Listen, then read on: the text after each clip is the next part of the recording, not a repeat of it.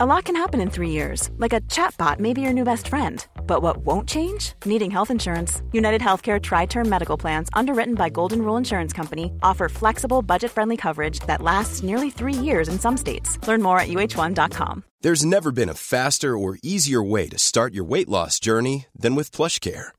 PlushCare accepts most insurance plans and gives you online access to board-certified physicians who can prescribe FDA-approved weight loss medications like Wigovi and Zepbound for those who qualify. Take charge of your health and speak with a board-certified physician about a weight loss plan that's right for you. Get started today at plushcare.com slash weight loss. That's plushcare.com slash weight loss. plushcare.com slash weight loss.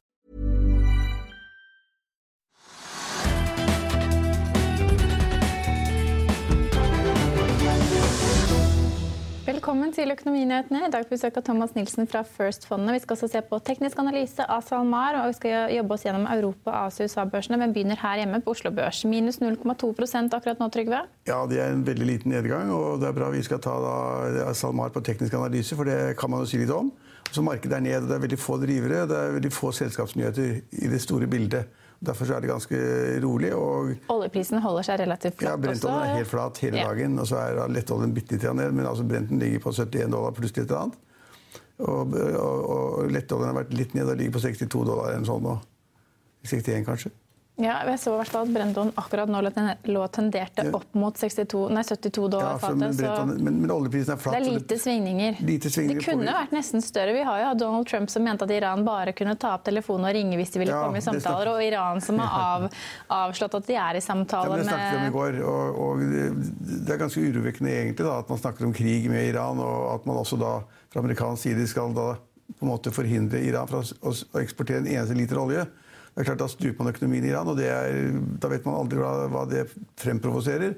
Men markedet er litt avslappet. altså Brentoljen er helt flatt i dag, så man tror liksom ikke helt på det. Og Det er vel ingen som egentlig tror at det skal bli krig, og det er ingen som tror at Iran da, hvis det blir krig, skal stenge Hormuzstredet. Men det er ganske skummelt. Men markedet bryr seg ikke om det i dag. Og hvis du ser på de, de to aksjene vi ser på, disse oljeaksjene våre Equinor Equinor, så er, det, så er det litt ned, og så er det Aker BP litt opp. Det var det i går også. Så det er veldig små endringer. Liten innflytelse fra oljeprisen. Så det som har skjedd i dag, som på en måte har noen markedsbetydning, det er, det, det er alt det som skjer rundt oppdrettsaksjene og laksen, og denne algeoppblomstringen som da på en måte har Ifølge de nyhetene man leser, så har det medført at man har slaktet nå mer enn 10 000 tonn laks. Eh, og så tror noen at det kanskje kommer til å bli slaktet 30 000-40 000 tonn laks. Det, det har store implikasjoner. For, og det er ganske interessant, det er ganske morsomt med hvordan da på en måte aksjeanalyse og, og, og, og eh, all, alminnelig økonomi henger sammen. Fordi at, eh, hva er konsekvensen av at man nå må slakte ned, eller masse slaktes ned? Jo, det er det at noen av oppdretterne de slakter nå ned fisk for å unngå at de blir angrepet av alger og dør av algeangrep. Og den ekstra kall det slaktingen det medfører at tilbudssiden øker kortsiktig. Så det vil sannsynligvis jeg er ikke ekspert, sannsynligvis føre at lakseprisen faller. og Lakseprisen har ligget på over 60 kroner. Så faller det. Og så vil tilbudet Ja, men som så- ja, skulle ha kommet senere, Senere, er godt, presse prisene opp. Sannsynligvis og kanskje. Ja. Så først får vi får prisfall fordi at det slaktes masse av sikkerhetsgrunner. Eh, og de, det som slaktes, kommer jo da til salgs, og det vil da på en måte føre til at tilbudssiden kanskje blir litt for stor.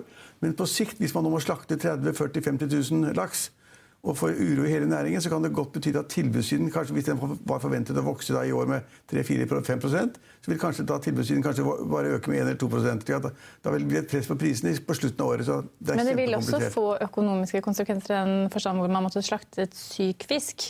Ja, ja, absolutt. Ikke sant? hvis du, hvis du må Som du ikke får solgt, Ja, ja. eller eh, er høyere dødelighet. Og, og hvis vi ser på SalMar-tallene, så altså SalMar er jo ned 4 i dag, har lagt frem tall. Og Der eh, melder selskapet om at de må ta store kostnader knyttet til ILA. Så Det som er spesielt med er oppdrettssektoren, er at det er en biolog... Altså, du, du har med dyr å gjøre. Ja, men jeg er ikke helt enig van- er ikke helt enig i analysen. fordi at uh, SalMar var faktisk overraskende bra. Det var litt opp fra i fjor. Operative ned- eller var Nei, det det operative driftsresultatet var opp. Men resultat, bunnlinjen, Ja, ja, var de ned 12 millioner Ja, men det er sammenlignet med samme kvartal i fjor. Ja, men Hvis du ser på hva de andre selskapene har levert, så har jo de De har levert levert knall. De har levert mindre enn forventet og, og mindre enn i fjor. det er riktig. Derfor mener jeg at SalMar faktisk kom ganske godt ut av det. Men kursen har falt av 4-5 Ikke fordi at eh, SalMar har algeangrep eller taper penger pga. det, men fordi det er helt normal drift. Men hvis, altså, det er ingen av de børsnoterte selskapene innen oppdrett som har fått da, altså, fått da angrep av alger i sine, sine merder. Det har de ikke fått. Ikke ennå. Nei, men altså, SalMar har lagt frem tall i dag. De var svakere enn analytikerne hadde ventet. De hadde større kostnader knyttet til ILA, som er en biologisk eh, sykdom som eh, angriper disse eh, laksene ja. i merdene. Ja. Og det er vanskelig å spå biologien. Det operative driftsresultatet var 100 millioner bedre enn i fjor. Jeg, jeg tror det var ganske bra tall. Men, men, men, markedet har da uh, sendt aksjen ned som sagt 4% og det er dagens mest omsatte aksje på Oslo Børs. Ja, ja. Det, og det skal vi Hvis vi ser på som du også. sier, disse andre oppdrettsaksjene, så er jo da Movi ned 0,3% Lerøy Seafood er opp 1% Kring Seafood stiger 1,5 og Bakkefrost stiger 0,6 ja, så, så det er ingen store utslag nei, på lakseselskapene. Nei, det viser at det slår ikke ut ennå i de selskapene, for de er ikke der hvor algene er. Og hvis man klarer å stoppe de algene fra å forflytte seg, det har ikke peiling på hvordan man gjør, eller at de ikke da siger ut fjorden og inn i neste fjord osv. Det er komplisert, men foreløpig sier markedet vi tror ikke at det kommer til å ramme de børsnoterte selskapene, og det er bra. Og så, De som da nå er små oppdrettere langs kysten, i de fjordene hvor den algen er, de kommer til å tape masse penger.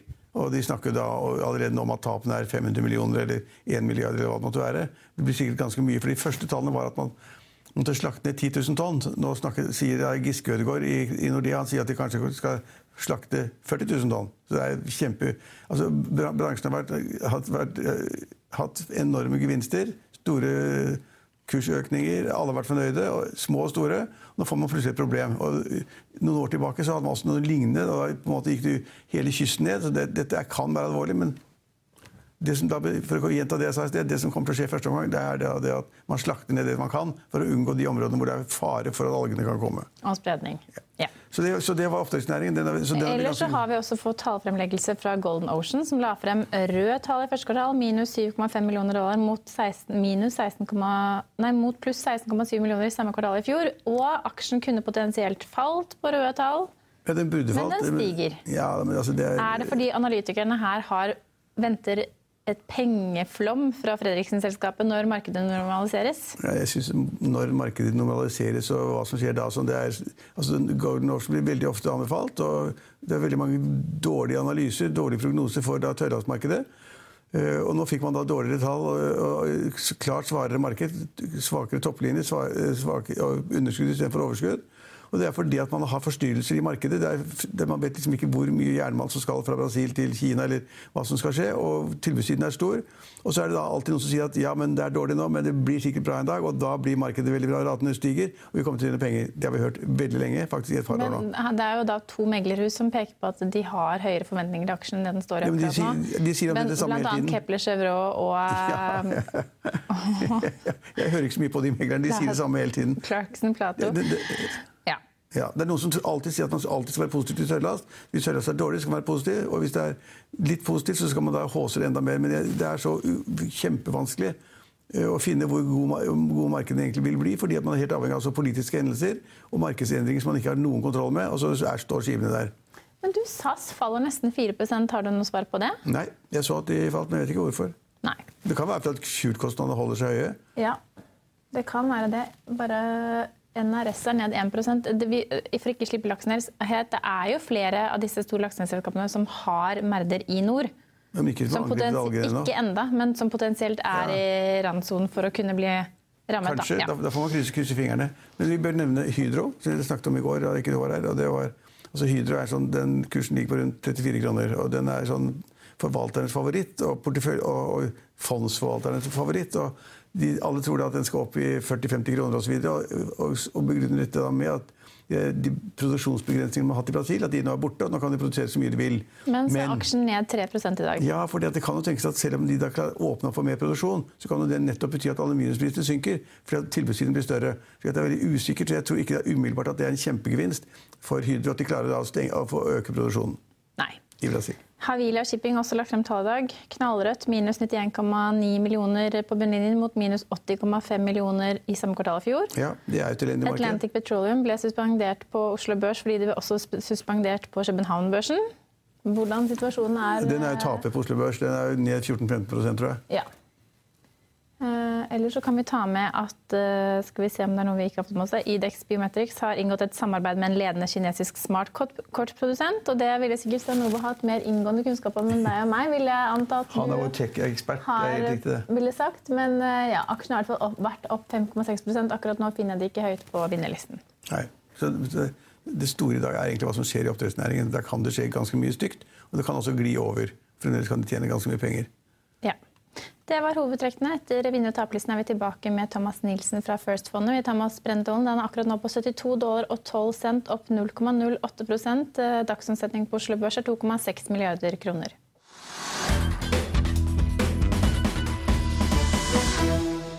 Velkommen til oss, Thomas Nilsen. Du har vært gjest hos oss flere ganger. Eh, da har du vært forvalter i Odium-fondet. Du har også vært innom Sparebanken Markets, men nå er du på plass i First-fondet og har vært der siden mars. Yes. Forrige uke lanserte dere et eiendomsfond som heter First Nordisk Eiendom. Hva, hva skal dere oppnå med dette fondet? Fondet skal egentlig være den beste måten for folk flest å investere i eiendom på. Så enten du er privatperson, eller du er en pensjonskasse, livselskap eller Family Office, så, så syns vi det mangler et produkt som får med seg både det å ha likviditet i investeringen, at du kan selge når du vil. Det er jo gjennom aksjer vi, vi gjør dette her. Men samtidig få med deg den verdiskapning som skjer fordi du har god kvalitet i selskapene, og de har synergier og er store nok til å skape verdier som kanskje du ikke klarer så som eier av et enkeltbygg eller syndikater eller mindre, mindre prosjekter. Så vi tror vi har klart å skru sammen det beste produktet for å investere i eiendom. og Så får vi se om uh... En eiendomsaksje er ikke så mange av dem, da. Altså Thon eller, eller Entra eller Norwegian Property eller ja. Dere følger vel kanskje de nordiske Er, er, er det internasjonale, altså overalt eh, eiendomsaksjer, eller i Norge? Det er nordisk. nordisk. Så det vil si at når vi sier at vi diversifiserer, så er det primært fordi de andre nordiske markedene er bedre enn Norge. Norge er det helt klart minst interessante markedet å investere i. Og det er både fordi kvaliteten på selskapene eh, er bedre i Sverige, fordi markedet er strammere. Altså I Stockholm så er det ledighet på 1,4 Vi har sett leienivåer opp mot 9000 svenske. Så da er det liksom ikke leiers marked som går og shopper rundt. Da er det utleier som, som styrer.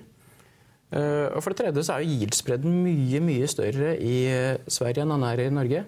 Så lange renter i Sverige er jo nå under 0,8 uh, Og de var jo 1,4 eller nesten 1,5 faktisk i fjor høst. Mens uh, i Norge så ligger det rundt 2 Så Når yielden er det samme, og du kan funde deg på godt under halvparten av kosten, så får du et bedre utgangspunkt fra det og rammebetingelsene med uh, eiendomsmarkedet så har du gode selskaper som har eksistert i, lang tid, som har levert superavkastning. Men når vi hører om liksom Thon eller Eiendomsspar eller Ringnes eller eh, Norwegian Property eller hva som helst, så man får inntrykk av at alle sammen har gode resultater. Leieprisene øker hele tiden. Ikke utledet er bitte lite osv. Så, så de norske selskapene virker ganske trygge og gode. da. Får ingen overraskelse ned, ned på nedsiden. Jeg veit ikke. Det er ok, liksom. ja, ja, ja. Altså, på Entra, da, som, Vi er jo to eiendomsselskap i Norge. Vi er Entra, og så er vi Self Storage Group. Mm. Uh, Entra er vi fordi sant, lange kontrakter, primært statlige motparter. Uh, aksjene er dyre, da, så det er noe, er ikke noe kupp, men, men, det er liksom lav risiko i det. Og de har blitt et mye bedre selskap som de kom på børs. Bra på utvikling og, og vokser inntjeningen sin hele veien. Men de også har høy fundingkost sammenligna med de svenske, som, som vokser mer. Som jeg, som jeg, nevnte tidligere, Sagax er et selskap som har en avkastning på 44 hvert år siden 2006. og det er det ingen I'll see you in court.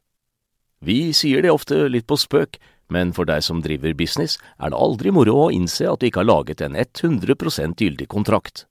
Du bør ikke risikere hele firmaet ditt fordi du synes dette med kontrakter er litt stress. En avtale er ikke en avtale. Du kan miste kunder, miste venner, ja, til og med miste inntekter om du ikke lager en skikkelig kontrakt, på alt mulig, egentlig. Men vi vet det er et styr, kopimaskiner, treg printer og haugevis av papir. Dessuten stoler vi jo på folk her i landet. Det er ofte litt kleint å skulle be om en signatur for alt mulig, ja, for mye av styret handler også om jakten på underskriften. Det finnes en enkel måte å løse dette på, Dukkobit. En trygg, effektiv og get this, gratis måte å sikre seg en god natts søvn pluss en juridisk bindende avtale. Dukkobit-appen har de strengeste sikkerhetskrav i bunn, samt en EU-godkjent og sertifisert teknologi. Framover vil det bli behagelig å spørre du, skal vi skrive under på det, eller? Kom i gang på dokobit.no. Min selskap, AF-gruppen kommer ikke opp mot det i Norge. Det er bedre enn noen norske selskaper. AF-gruppen går ikke de ganske dårlig? Nei, det har gått fantastisk i basically alltid. Ja, før, ja, men resultatene i år har vært dårlige, har ikke det? Bra. ok. Jeg tror de, Det går superbra, altså. Så de tapte penger, det? Nei, nei, nei, er du gæren? I første kvartal. Men så da Sverige er ditt foretrukne investeringsnedslagsfelt når det kommer til eiendom akkurat nå. Du nevnte, nevnte Saga Sagax, ja. Sagax. Eh, Hvilke andre spennende svenske eiendomsaksjer er det du vil trekke frem? Så når du, ikke sant, når, når liksom de er så ukjente, i selskapene, så, så, så finner man liksom litt sånn gull også. Eh, Diøs er et selskap som driver i Nord-Sverige. Hvor kjedelig går det ikke an å være utover å drive eiendom i Nord-Sverige? liksom? Ja, for hva skjer jo Bra. ingenting i Nord-Sverige? Bra yield. Eh, ingen som bygger noe nytt. Det tikker på. Altså, det er byer som er i vekst, univers- universitetsbyer. Facebook bygde jo sitt eh, datasenter i Luleå for noen få år siden. Sant? at det, det er vekst i befolkning og vekst, eller stabil tilvekst i leiene, men med veldig lav risiko. Så Vi prøver liksom å finne de selskapene litt sånn under overflaten. Jeg spør folk har du sett på Sagax har du sett på det, så folk har ikke hva det er for noe engang. Det er superbra selskaper. Men vi i Norge vet jo ingenting om Sverige. i det, basically. De, og Svenskene vet ingenting om oss heller. De er ikke interessert i norske aksjer, vi er ikke interessert i svenske aksjer. Ser det ut Nei, men jeg tenker, det, det fondet her da, skal liksom gi eh, en eiendomseksponering som er godt diversert. Altså I vårt fond så har vi 20 millioner kvadratmeter. Så vi eier jo ikke alle, selv om vi eier en del av alle sammen, siden vi er aksjonærer i selskapene som eier det. ikke sant? Eh, og Da får de diversifisering til Sverige, og du får bedre rammebetingelser i Sverige. Og så har du liksom litt de samme drivende i nordiske regionen totalt sett. Sånn Men du eh, sier jo at i Sverige, eller la oss si i hovedstaden, da, altså i, i Stockholm, at eh, det er utleiers marked. Mm. Hvor er det det er utleiers marked i Norge? Vet ikke, jeg føler det er liksom mer balansert i Norge. da. Men er det ikke, no, er det ikke noen business- gater i, i Oslo som er Det er jo utleiersmarked i Business District. Det er nesten alt det er leid ut. Ja, Altså, i, innenfor kontor så er det nok kanskje litt over på utleiers marked. På, på handel så er det definitivt ikke, Ikke, det. Altså, altså, så Olav Thon sin rapport da, de- skriver at det er altså, betydelig fallende interesse for investeringer i, i kjøpesentereiendom. Og det er jo fair å være ærlig og skrive det. og så er det noe sånn der, sånn at det, Handel er noe som vi har veldig lite av i, i vårt fond. det er Under 7% av eh, det investerte. Og det skal man være forsiktig med. Men sånn, totalt så er det utleiersmarked spesielt i Stockholm. I Gøteborg også. Altså, Oslo føler jeg er sånn derre må Være litt sånn selektiv fra hvilke gater du er i, kanskje. da. Eller mer sånn balansert. Men Kan det hende at, at den utviklingen man ser i Stockholm ligger foran det som kommer i Oslo? Eller, eller er det rett og slett for mye utleie, arealet led Altså, kan man spå noe om Ja, Nå, nå leste jeg denne rapporten til Jons Langlassal, det er en uavhengig eiendomsaktør, som sier at de tre byene i Europa skal ha størst leieprisvekst fra 2019 til 2022. er nummer én Stockholm, nummer to Madrid, nummer tre Oslo.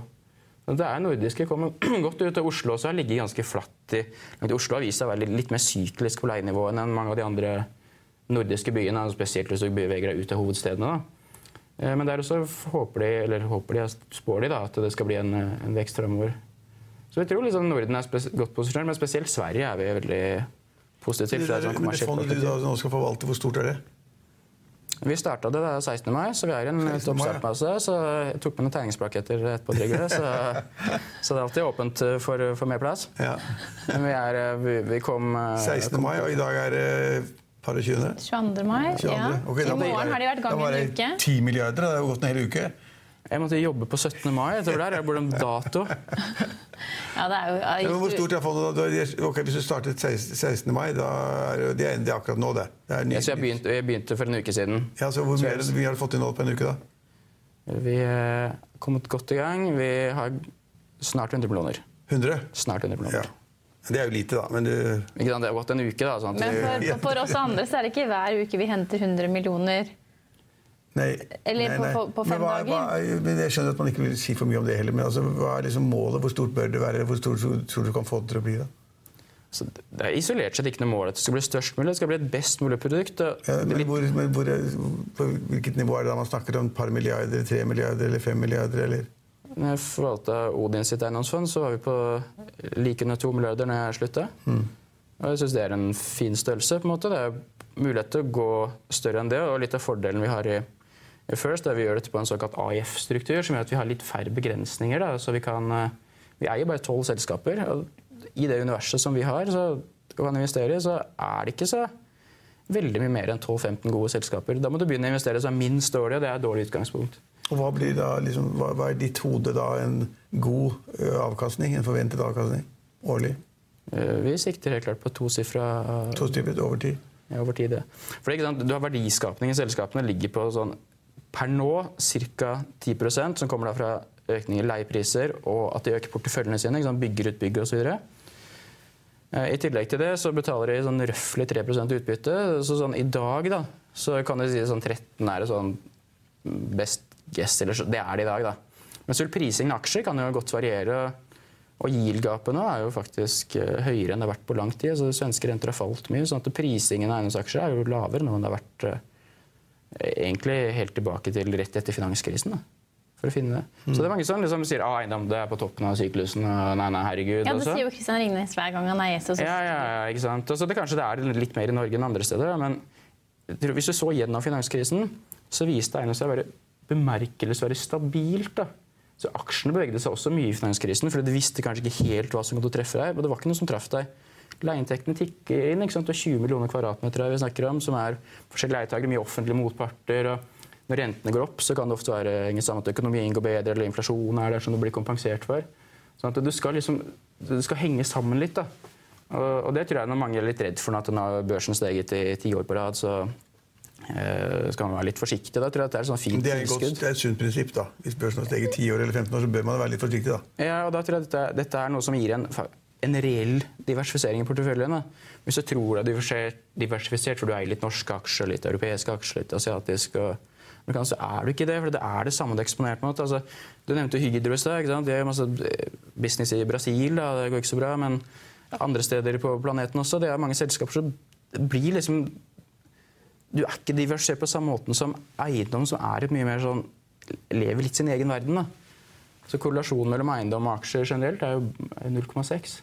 Men du sier at dere har Entra, dere har Self Storage Group. Hvorfor Self Storage Group? Hva er det som er spennende med den aksjen?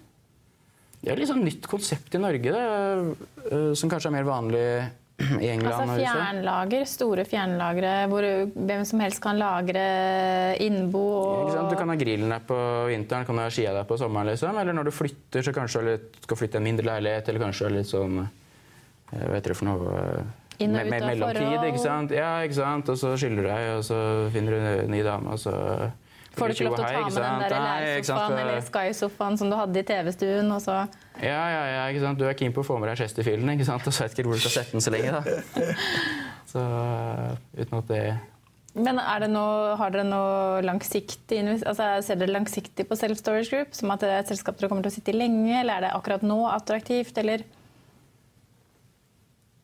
Altså, vi, vi, vi sitter jo med aksjer til vi føler at det ikke er verdt å gjøre det lenger. Da. Om det tar eh, sant, noen måneder eller mange år. Altså, vi håper jo egentlig at selskapet kan vokse videre i lang tid. Det har masse potensial. Så det, det er ikke noe sånn veldig, veldig høyt verdsatt nå. Så, så vi har jo kjøpt det fordi vi har langsiktig tro på det. Er plutselig kursen dobbelt så høyt en dag, så må vi ta en vurdering på det. Men eh, det blir et korrekt svar, da. Men eh, En aksje eller to du helst ikke vil ha i porteføljen med det første eller det siste? Ja, Norwegian Property har vi jo vært uh, forsiktige med. Det var jo noe vi aldri eide i, i Odin heller, når jeg forvalta det. Og som egentlig har gjort mye rart. ikke sant? Du har hatt leietakerstruktur som ikke har vært noe heldig sammensatt. Du har hatt utviklingsprosjekter med masse Nå har kostnader. jeg kikket oppover den lille kursen. da. Ja, Litt avhengig av når du starttidspunktet Starter, ja, ja, da, men den kom jo på børs på 50, og så gikk den 90, og så gikk den 3. Og nå er den ikke 11, eller Det var ikke nede i 9-10 kroner. Det var jo et par år siden. så var det 9-10 kroner. Ja. Nå er den i 11 11 og litt, kanskje? ja, så den har tikket oppover hele tiden, sånn bitte, bitte forsiktig. da. Fra et veldig lavt nivå, da, som Thomas er inne på. Så driver ikke Fredriksen og akkumulerer aksjer og øker sin andel? da? Jo, de har jo meldt kjøp innimellom, og så Ja. har de kjøpt tilbake aksjer sjøl også. Ja. Så det er liksom en ganske sikker bet. da. Det havner ikke fra 11 kroner til 5 kroner.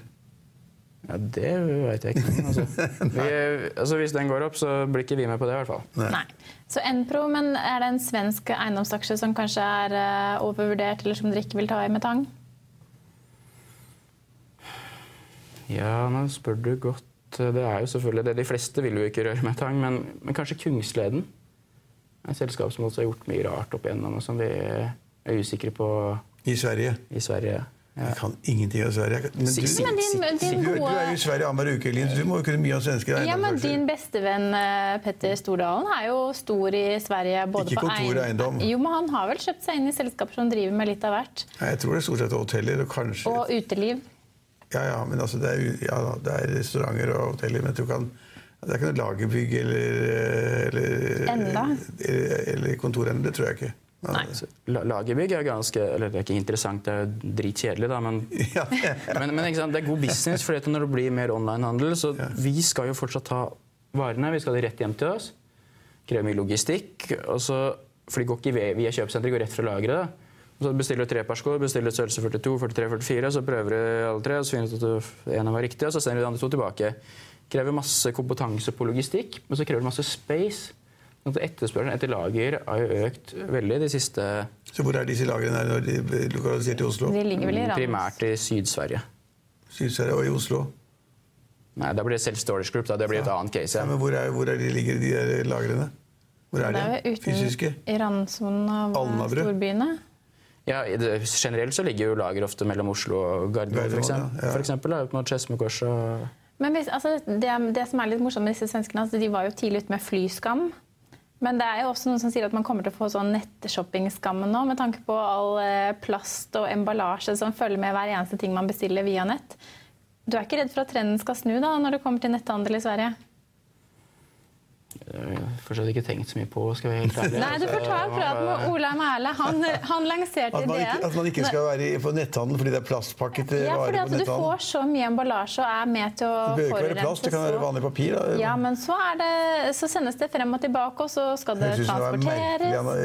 Det hørtes litt perifert ut, da, for å være helt ærlig, men uh, man skal aldri liksom De er jo veldig politisk korrekte. handler ikke du masse på nettet? Nei, jeg er faktisk ikke så Er det, stor på er det plast eller papir? Eller silke? Det er, Sånn. er nok mye plast, Trygve.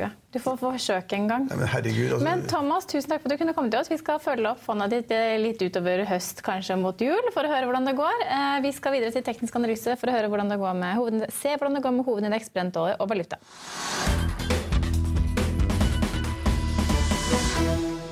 I Finansvisen i morgen kan du lese Trygve Hegnars leder om kursnedturen i Tesla, at IT-analytiker Emil Johannessen i Kepler Chevrolet anbefaler kjøp av Bouvet, Evry og Dustin, og at Selvåg-gruppen igjen skal satse tungt på boligutleie.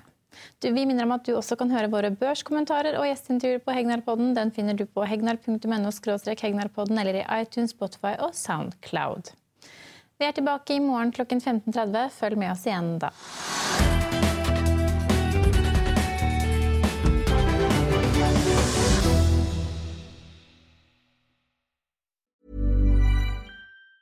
Planning for your next trip? Elevate your travel style with Quince. Quince has all the jet setting essentials you'll want for your next getaway, like European linen, premium luggage options, buttery soft Italian leather bags, and so much more. And it's all priced at 50 to 80% less than similar brands. Plus, Quince only works with factories that use safe and ethical manufacturing practices. Pack your bags with high-quality essentials you'll be wearing for vacations to come with Quince. Go to quince.com slash trip for free shipping and 365-day returns. Økonominyhetene er en podkast fra Finansavisen. Programledere er Marius Lorentzen, Stein Ove Haugen og Benedikte Storm Bamvik. Produsenter er Lars Brenden Skram og Bashar Johar. Og ansvarlig redaktør er Trygve Hegnar.